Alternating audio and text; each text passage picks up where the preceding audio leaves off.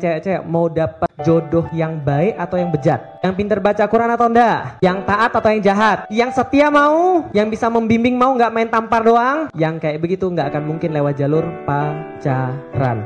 Lah kenapa begitu? Laki-laki yang hobi bermaksiat sebelum nikah akan lebih mudah bermaksiat setelah nikah. Jadi kalau saya pacaran, pegang tangan orang, belum akad, belum ketemu bapaknya sekalipun, lalu kemudian bilang I love you, I need you, I miss. Padahal belum akad, belum nikah, belum apa-apa.